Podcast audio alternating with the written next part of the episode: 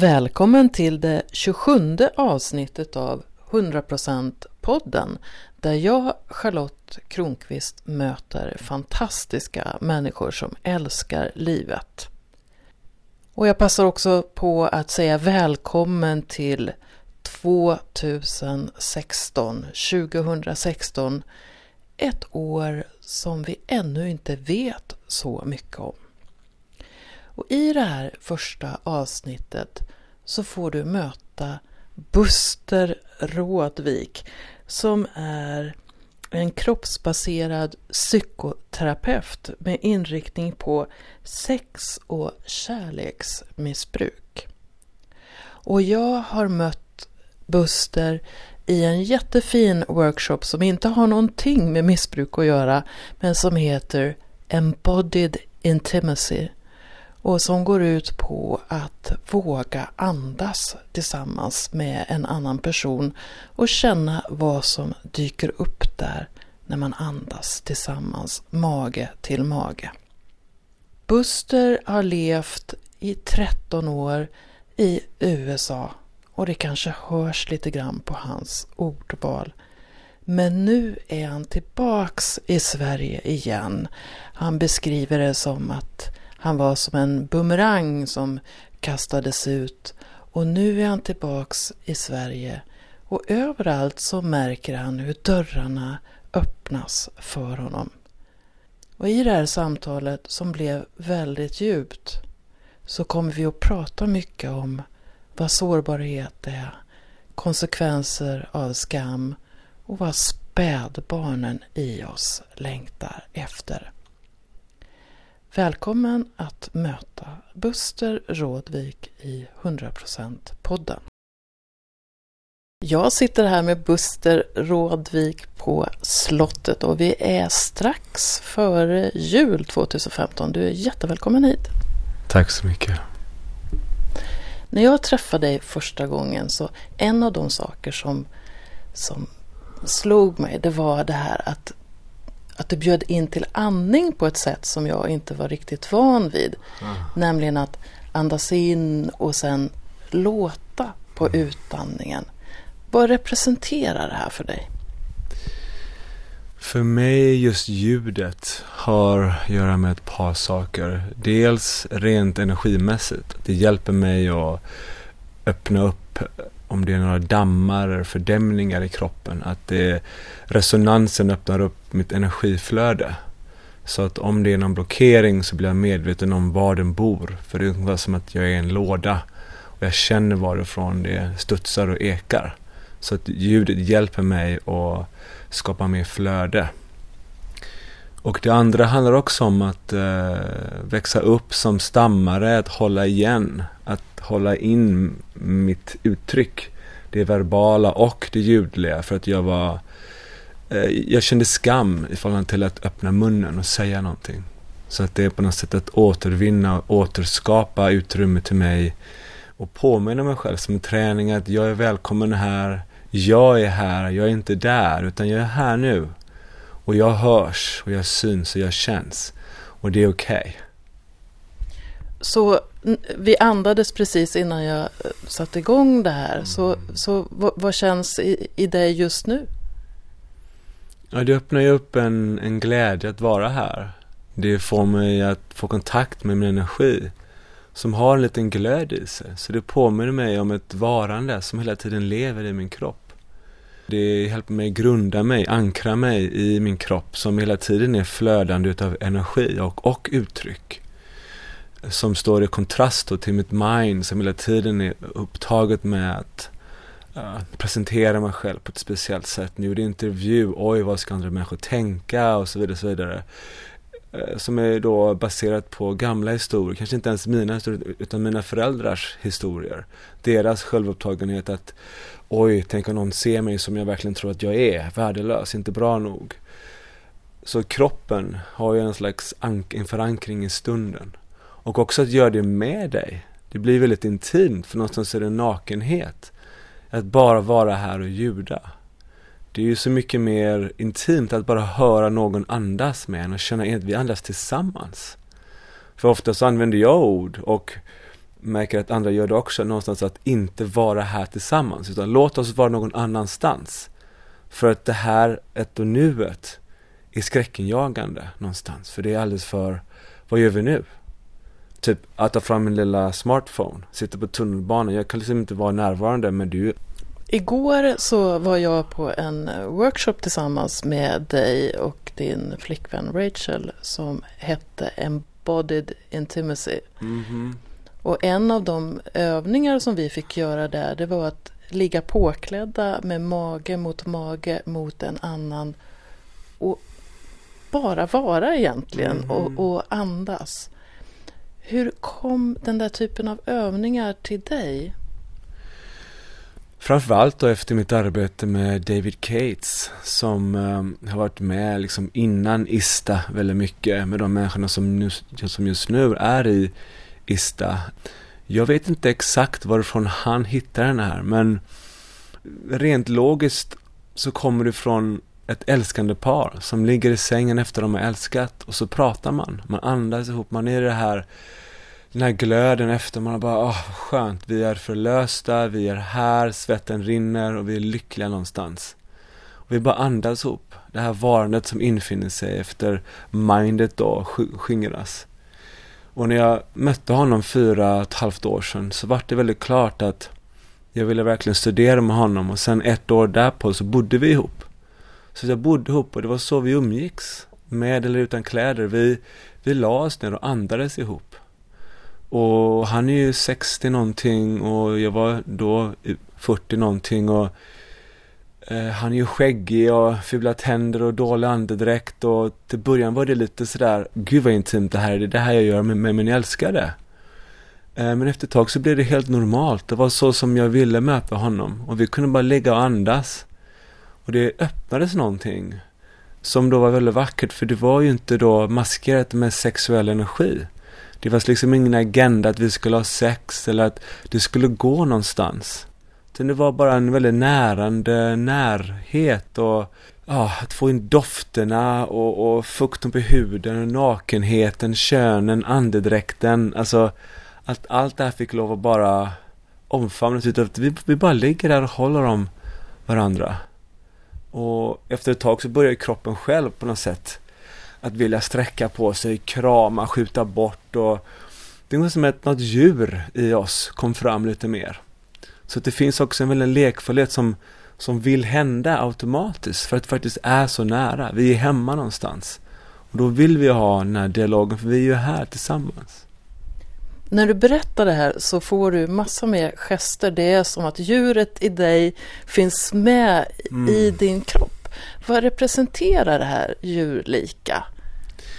Det är ju det som skapar mening i mig. Det är det som får mig att känna mig levande. Det är det mest primala. Det som har en rytm, det som känner eh, fotsulorna på gräset. Det som känner temperatur, det som känner din hud mot min hud. Det är, det är ett seende in till ett varande tillsammans som tror jag är grundbulten i att jag lever och jag är här tillsammans och livet är här. Det är en slags rikedom, ett innehåll, en, en slags basal självkänsla. Som att när jag inte, inte är i kontakt med det djuret, då lever jag i ett mind och mindet är ju naturligt polariserat. Ja, nej, ja, nej, trygghet, frihet, trygghet, frihet. Det är hela tiden i konflikt med sig själv.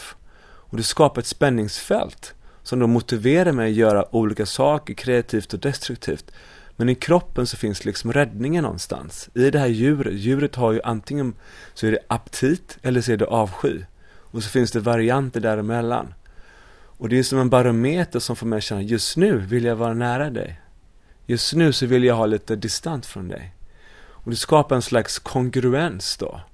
Att jag kan faktiskt kommunicera med dig och du kan faktiskt lita på mig. För ditt djur läser in mycket mer information än vad ditt mind läser mina ord. Och jag vet inte hur många som vuxit upp i familjer som är det här dubbla. Att man har en konflikt i familjen, en rosa elefant som ingen talar om. Men man låtsas att allting är fint. Och det skapar en otrolig frustration inom oss alla att, vad fan, det är ingen som säger sanningen. Så för mig så handlar djuret om sanningen. Djuret är väldigt enkelt men är otroligt ärligt. Och jag tänker djuret är kroppen Mm. också. Och du har ju jobbat med din kropp eh, som dans och med koreografi Mm. och så. Har kroppen varit en väg in till det du gör nu eller hur skulle Mm. du beskriva den resan? Jo men det var just det, jag, som jag nämnde alldeles nyss, att jag växte upp som stammande så ordet det var ju väldigt eh, skamlagt för mig.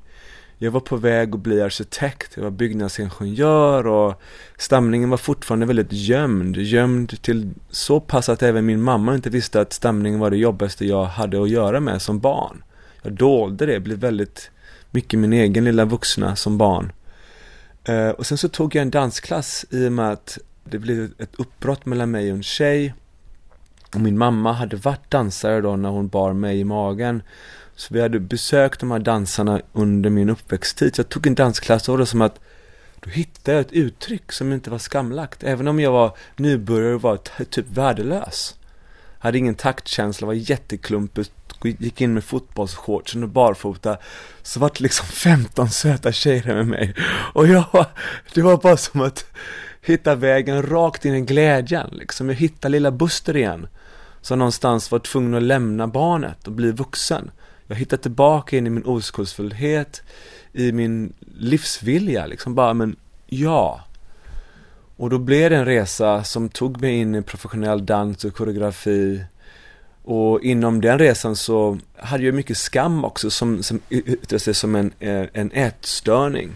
Så att jag gick in i jättemycket självmordsbenägenhet och perfektionism och eh, anorexia, bulimia och som då liksom fick mig att ställa frågan, vill jag leva eller vill jag dö? Så dansen, det var inte bara att jag fick ett uttryck, men det var också en ingång in i mitt trauma. Att jag var lämnad från kanske månads gammal, liksom. Jag har en slags överlevnadstrauma. Så att jag var tvungen att lämna min kropp. Så hela mitt liv har varit om att hitta en väg tillbaka in genom smärtan som jag så intelligent undvek genom att dissociera. Så att det är inte konstigt att jag idag jobbar som kroppsbaserad psykoterapeut med sex och kärleksmissbruk. För det är precis där jag behöver vara för att vara det mest hälsosamma. För att relationer var alltid väldigt svåra för mig. Eh, och det var väldigt svårt att vara i min egen kropp för det var så mycket smärta som jag inte förstod mig på. Så jag ville vara väldigt filosofisk. Men nu blir det någon slags förenkling med det här. Låt oss bara använda oss av röst, andning, rörelse och beröring. Så mediterar vi ihop. Och så, så blir kroppen dörren in i det oändliga blissen. Alltså, det är ett, otroligt angenämt varande som bara är. Så att det är också en, en ingång, något som man får slippa in eller liksom bara får glida in det precis. Man kan liksom inte gå in i det rakt på sak utan man får, får släppa. Och så, så faller man in i det och när man är tillsammans så är det så mycket mer kraftfullt för mig. Kommer man bort då ifrån massa idéer och tankar kring de här sakerna? Ja, det är just det som sker att eh, allt eftersom min kroppsnärvaro ökar så är det som att mitt mind som är som, ett, som en dimma dunstar bort och himlen blir klar eller vädret blir så kallt att fuktigheten fryser och det blir bara torrt. Så att det blir bara den här kärnan kvar som strålar som en liten sol inuti. Och det är en upplevelse, det är en smak. Det är ju en erfarenhet, det är inte någonting som de kan ta ifrån mig. Det har, det har ingenting att göra med en idé. Utan det är också den delen av mig som håller idéer. Även den delen dunstar bort. Att jag finns inte längre, jag smälter. Och det är en angenäm, liksom jag faller bakåt. In i någon slags rymd. Som inte kan förpackas eller greppas om eller ens förstås. Men som så subtilt kan smältas in i. Och när upptäckte du det i dig eller kunde uppleva det i dig? Ja, det kom väl framförallt först i de här mer brutala ögonblicken där jag faktiskt inte visste om jag ville leva eller dö. Att det fanns en slags både hopplöshet, maktlöshet och att jag tillåt mig själv, att jag accepterade, jag visste inte om jag ville leva. Så satt jag i det och så, då hände det någonting där. det var det som att ett helt annat system bara de satte igång och hjärtat öppnades. Jag grät för att jag hade händer. Och liksom tårarna och snoret kom på händerna och det kändes jättefantastiskt. Att det rann slem på handen. Jag var i någon slags primal state liksom, bara av att Men herregud, jag är ju här. Och allting hade skimrande ljus och så plötsligt kom mitt mind in, ja ah, men det här vill jag ha kvar. Jag vill, ha, jag, vill, jag vill alltid leva i den här blissen. Jag vill alltid ha så här mycket cellnärvaro. Jag vill alltid vara så, plötsligt så blir separationen. Och så tar vi ett varv till. Liksom. Så jag tror mer och mer hitta mindre brutala metoder. Att lita på att alla mina behov är tillfredsställda. Jag har allt jag behöver. Att jag kan vara här och jag är okej okay och det är okej. Okay. Att vad jag har sökt genom att sträcka mig ut i världen är redan inuti mig. Alltid varit, kommer alltid vara där. Och frågan är alltid, litar jag på det? Kan jag liksom släppa?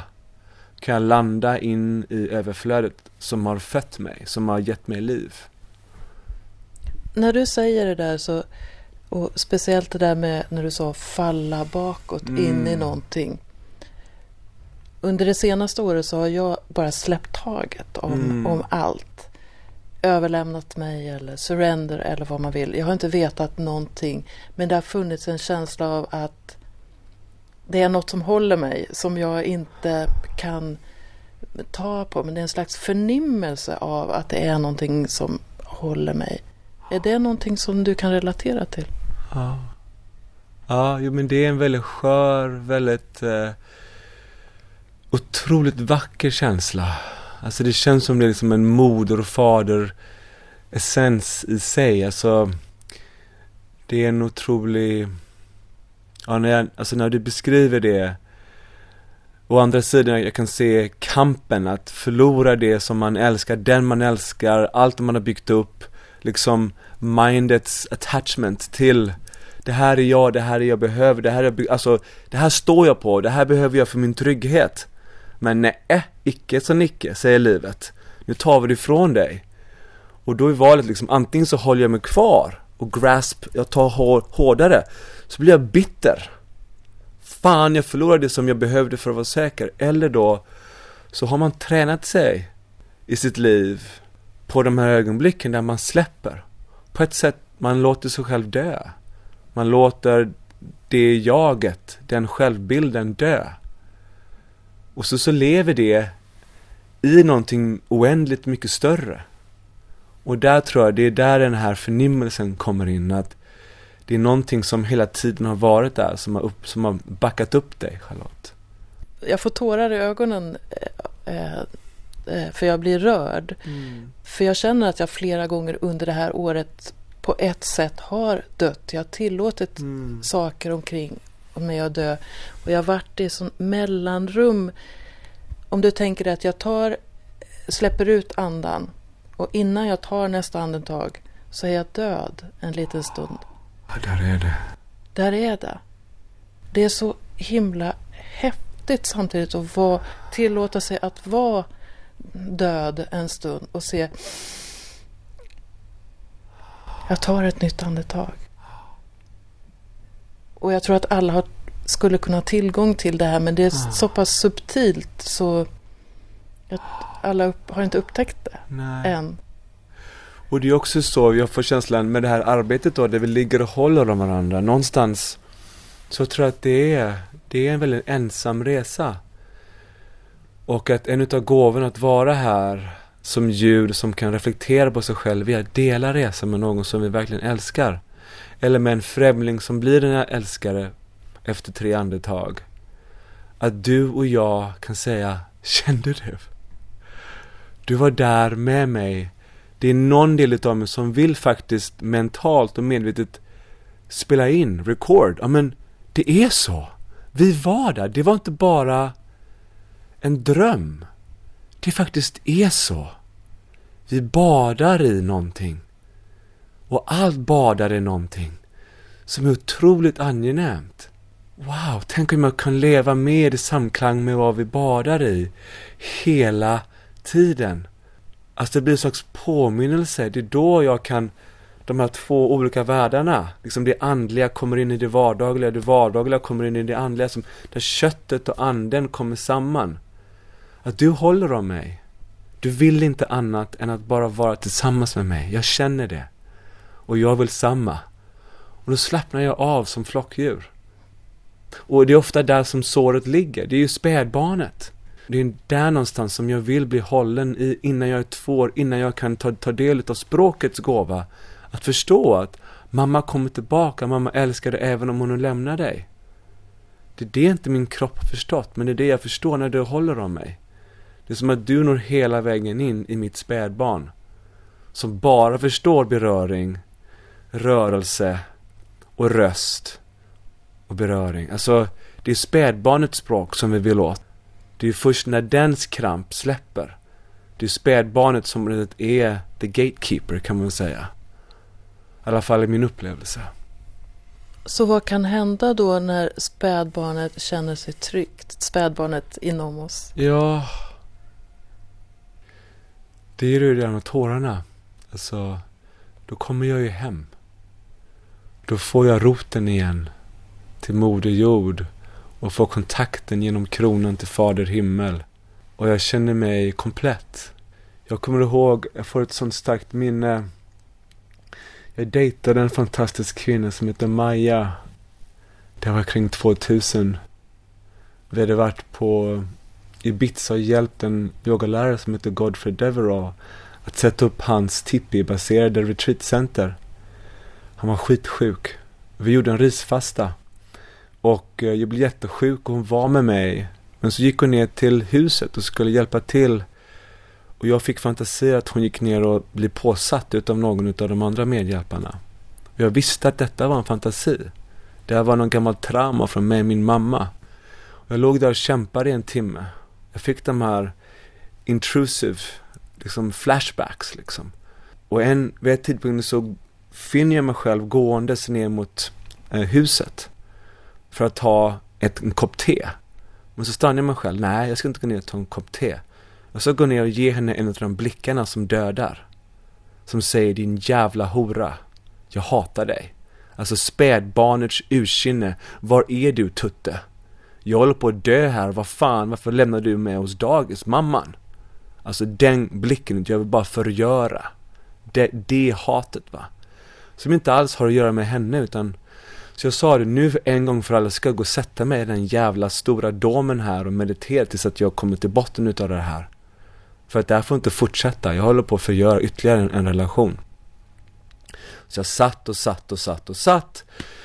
Och så plötsligt så vaknade Godfreys lilla dotter, Bindu som hon hette. Ja men såklart, det är väl klart det handlar om min bebis, hon är liten, hon ropar efter mamma, hon har aldrig ropat efter mamma, men vad fan jag har gjort liksom 15 års terapi, Human University, Osho-grejer och primalterapi och psykoterapi. Alltså, men jag vet ju det där. Fan gud, du får ge mig något bättre liksom. så jag, jag sitter, jag ska sitta här igen liksom. Så jag satt och satt, jag tror jag måste ha somnat. Och jag kom in i sådana här extrema tillstånd där alla mina förnimmelser var det motsatta. Jag var både liksom två mil hög Samtidigt som att jag var ett, litet gruskorn. Jag vägde bara bly. Jag var fylld av flytande guld. Samtidigt var jag lätt som en fjäder. Jag var uppskjuten i oändligt space. Liksom precis det där ögonblicket där man precis på väg att åka ner, där man skjutit upp i luften, liksom en viktlöshet. Samtidigt som att jag verkligen var där i köttet. Och plötsligt bara så hör jag den här rösten. Jag är här. Jag är här för dig. Jag har alltid varit här för dig. Och jag kommer alltid att vara här för dig. Och jag bara känner liksom värmen bara, bara Och jag bara vek ihop och bara gråta. Som ett spädbarn i mammas knä liksom. Men mamma var inte någon där ute, utan mamma var inom mig liksom. Det var i varje dammkorn. Det var liksom, mamma var överallt. Det var mig, det var jorden, det var bara en moderlig, gudomlig röst liksom. Och det var liksom, det var just det här, men jag bestämde mig. Jag ville inte göra det här om kvinnan som jag älskar i kött och blod, utan det här handlar om någonting mycket djupare. Kanske inte ens mitt sår, utan min mammas övergivenhet. Och hennes mammas övergivenhet. Den här, brist, det här brusta bandet från snuttefilten, tummen. God, alltså vad det nu än är som vi tar oss mot. Pengarna, snygga frun, jobbet, statusen, makten. Vad det nu än är. Nej, jag vill inte gå dit längre. Jag ser ju igenom mina mönster. Nu fan, nu får det räcka. Har det hänt att du någon gång efter det ändå har trillat dit så att säga? Självklart. det här gav ju mig en inblick ja. Det gav ju mig i alla fall makt, eller kraften att se, jag har ett val.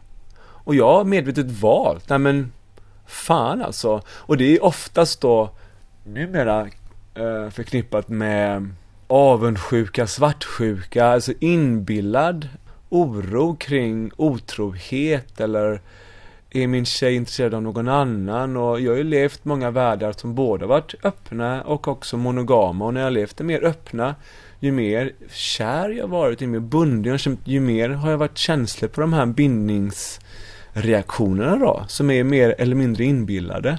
Men idag då så leder ju då det oftast då till, eller det leder ju alltid tillbaks in i hjärtat via sårbarheten.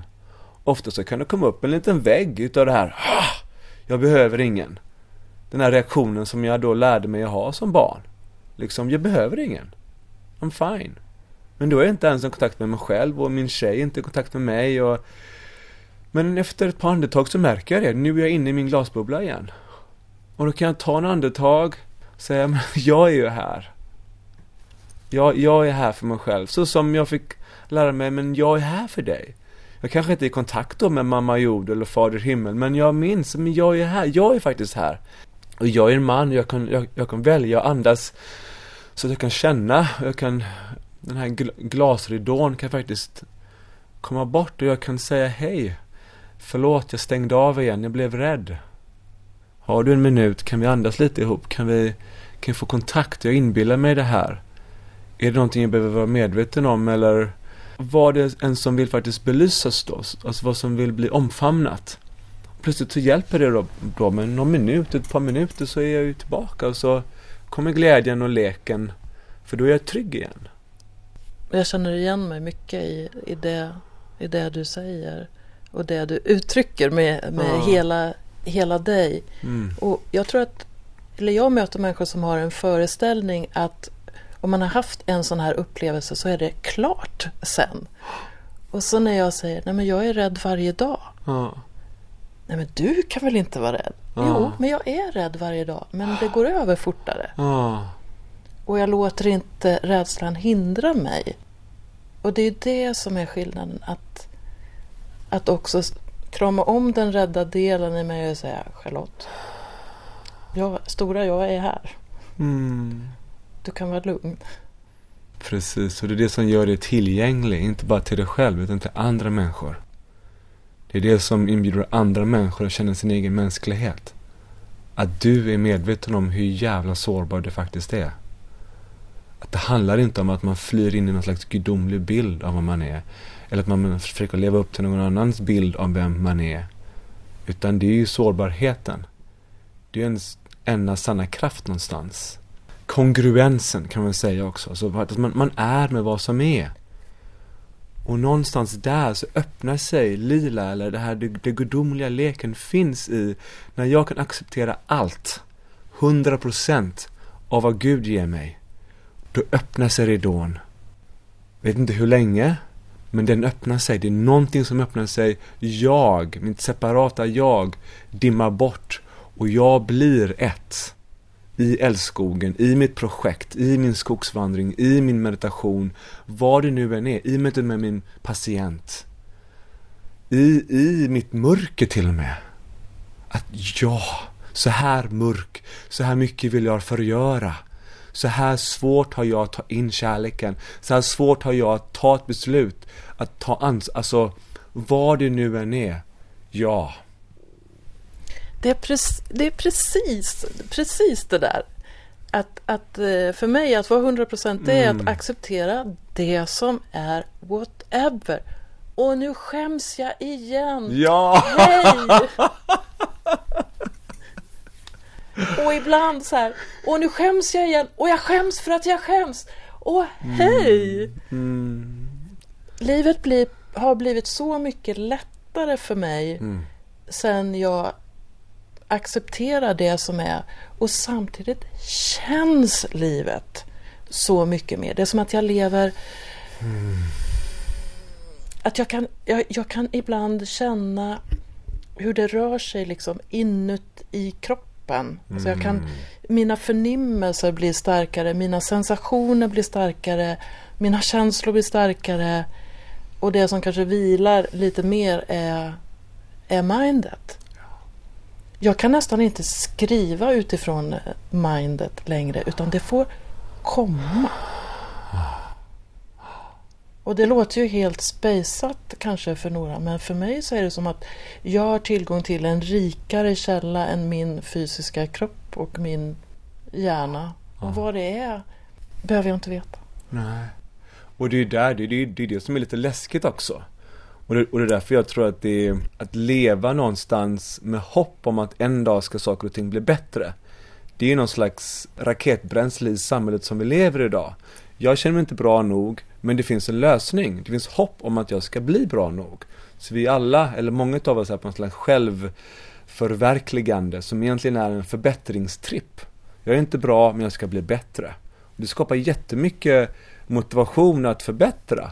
Men å andra sidan så bekräftar jag det att jag är inte bra nog. Jag måste faktiskt förbättra mig för att bli bättre. Och jag tror den splittringen sker då i oss som barn som måste att anpassa oss åt en vuxenvärld för att överleva. Då får vi välja bort delar utav oss som då var smärtsamma och mysteriska eller alltså, som vi inte riktigt kunde förstå för de var inte sedda och hörda utav våra föräldrar. De kunde inte förklara dem för oss.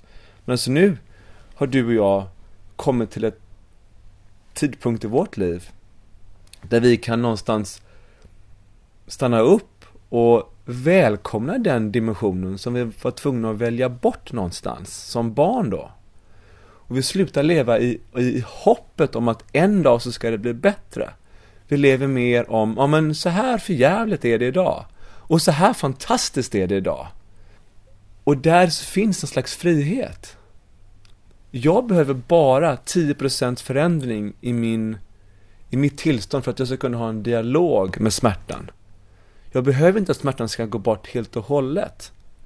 När jag är i smärtan, då känns det som att den kommer vara där för evigt. Och jag är maktlös.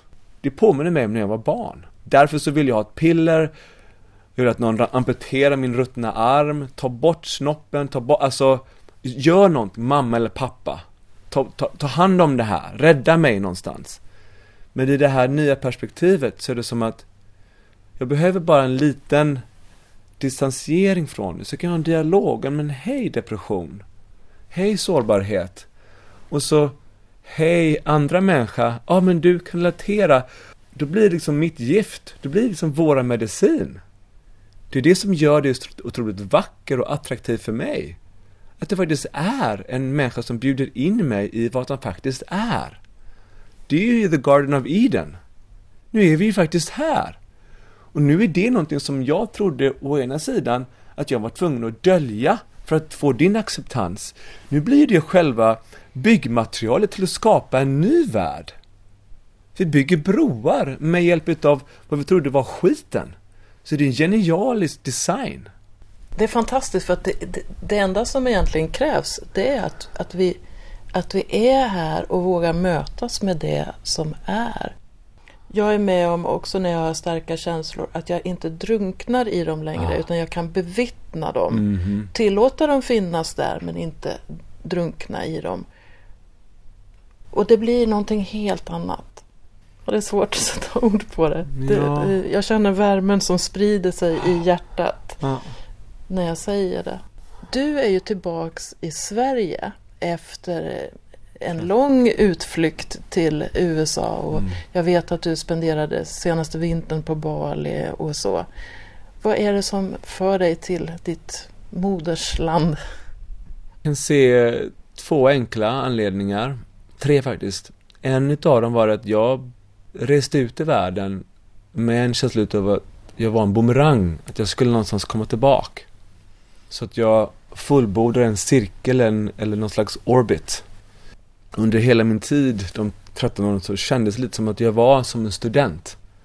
Att jag hade liksom inga ägodelar, jag hade aldrig något hus, jag liksom, det fanns ingenting som förankrade mig mer än mina relationer som jag hade just då, där. Sen anledningen att jag då ville komma hem någonstans och få revansch. För någonstans så flydde jag från Sverige 2002 efter en ehm, knäskada, jobbade som dansare, skulle precis gått in i koreograferandet igen då. Men så försvann eh, mina pengar och min karriär i och med att jag fick en knäskada. Och jag fick en jättestor eh, kris. Jag tänkte att jag vill arbeta med människor, men jag vill arbeta med människor på ett mer långsiktigt sätt. Jag vill arbeta som psykoterapeut, så jag vill utbilda mig. Jag vill inte bara arbeta som, arbeta som koreograf där jag får betala människor för att arbeta med mig, utan jag vill kunna ta betalt för att arbeta med människor. Men samtidigt gör det liksom inutöver i, i en kreativ container. Men det var också en, en flykt från att jag behöver vara någon. Jag vill bevisa mig själv, jag är inte någon. Jag hade fortfarande den här delade känslan av att jag duger inte. Jag behöver imponera världen, jag behöver eh, familjen, barnen, huset eh, eller nu insatslägenheten. Jag behöver miljonerna, jag behöver den vackra frun. Alltså, det fanns någonting där som gnagde i med den här jantelagen också. Liksom. Det var något slags svenskt ok som jag bar. Och så var det ju stamningen också, det var skönt att komma till USA. Där jag inte var rädd att prata, för där kunde jag alltid dölja mig i att ja, men han kom från Sverige, han tar en paus. Han försöker liksom hitta det amerikanska ordet. Så det var skönt att hitta ett flöde i mitt verbala uttryck under 13 år. Eh, någonstans kunna, kunna dölja mig och också kunna ta ut svängarna på ett annat sätt för att jag var ju svensk. Ja men han är svensk. Ja men så, sådana är svenskar, de är bara too much liksom. Men att här i Sverige var ju too much. Men jantelagen, men vad fan, vem tror du att du är va? Så att det var liksom, jag kunde ta ut svängarna och stamningen var inte något problem. Och första gången här i somras så kom jag hem då. Och jag hade tänkt att åka till Bali ytterligare ett år. Men så öppnade sig dörrarna liksom. Och Sverige kändes som en vit duk som sa måla mig. Här är din palett, här är färgerna, här är penslar, verktyg. Ta ett steg tillbaka, ta in, det är en stor jävla duk. Det är en liksom 10 gånger 3 meter duk. Så du får känna in nu, vad, är, vad ser du för kontraster? Ta det långsamt nu, för det här, nu, nu, nu kör vi. Du är redo. Och det har varit en, en mystisk, en magnifik resa att vara en entreprenör och skaka en hand och möta en människa och det har varit liksom kärleken har fått mig till det nästa mötet och så har vi mötts sen för att jag tyckte om människan i fråga. Och sen vill de träffa mig så det, det blir som att nu har jag samarbeten som bygger på att vi älskar varandra. Och vi vill vara tillsammans. Sen så gör vi någonting jävligt vettigt ihop. Och då kommer det upp människor som inte, jag inte alls hade förväntat mig. Som bara dyker upp och som vill leka med mig. Så det känns som en Wow, Sverige! Det är som att gå i en svampskog och plocka liksom Wow, kolla under den här lövväggen! Men, wow, men där är ju du! Ja men, vad härligt! Ja, lite revansch kan man säga. Och sen sista att jag har fem syskon och föräldrar som åldras och jag, jag vill tillbaka liksom. Liksom testet är ju på något sätt komma tillbaka till mitt kött och blod och testa testa programmeringen nu. Liksom hur, hur solid är jag? Liksom det är en sak att vara helig man och kvinna bland de människorna som du har valt. Men åk hem till mamma, bo med henne i tre veckor. Som är deprimerad och gått i pension och förlorat sin livspartner.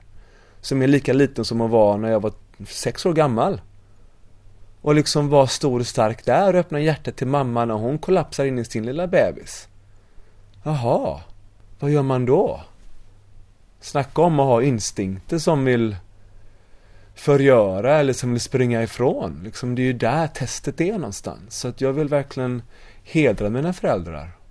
Det ska bli spännande att se hur det här vad, vad, vi kan se om ett år, vad ja. den här bumerangen har förgört eller skapat. Eller skapat. Ja. Jag brukar alltid sluta de här samtalen med att eh, jag brukar be eh, personen ge någon form av tips eller tanke eller så. Om vi säger att det är någon som är långt ifrån sig själv. Vad kan vara en enkel sak som den personen kan börja med för att komma hem? Kom ihåg att ditt lidande beror på skam och isolation. Så när du känner dig skamlig och du vill isolera, så gör precis det med motsatsen. Så ta kontakt och dela ditt skam på ett silverfat. Så kommer du få en ny vän. I dig själv och i alla som du möter. Och de som inte vill möta dig, det är bara att gå vidare. Tack Buster för att du tog dig tid att komma hit till slottet och träffa mig. Yay! Tack. Nu när du har lyssnat på mitt samtal med Buster Rådvik så kanske det är dags att ta ett andetag och ljuda på utandningen precis som Buster föreslår och se vad som händer då.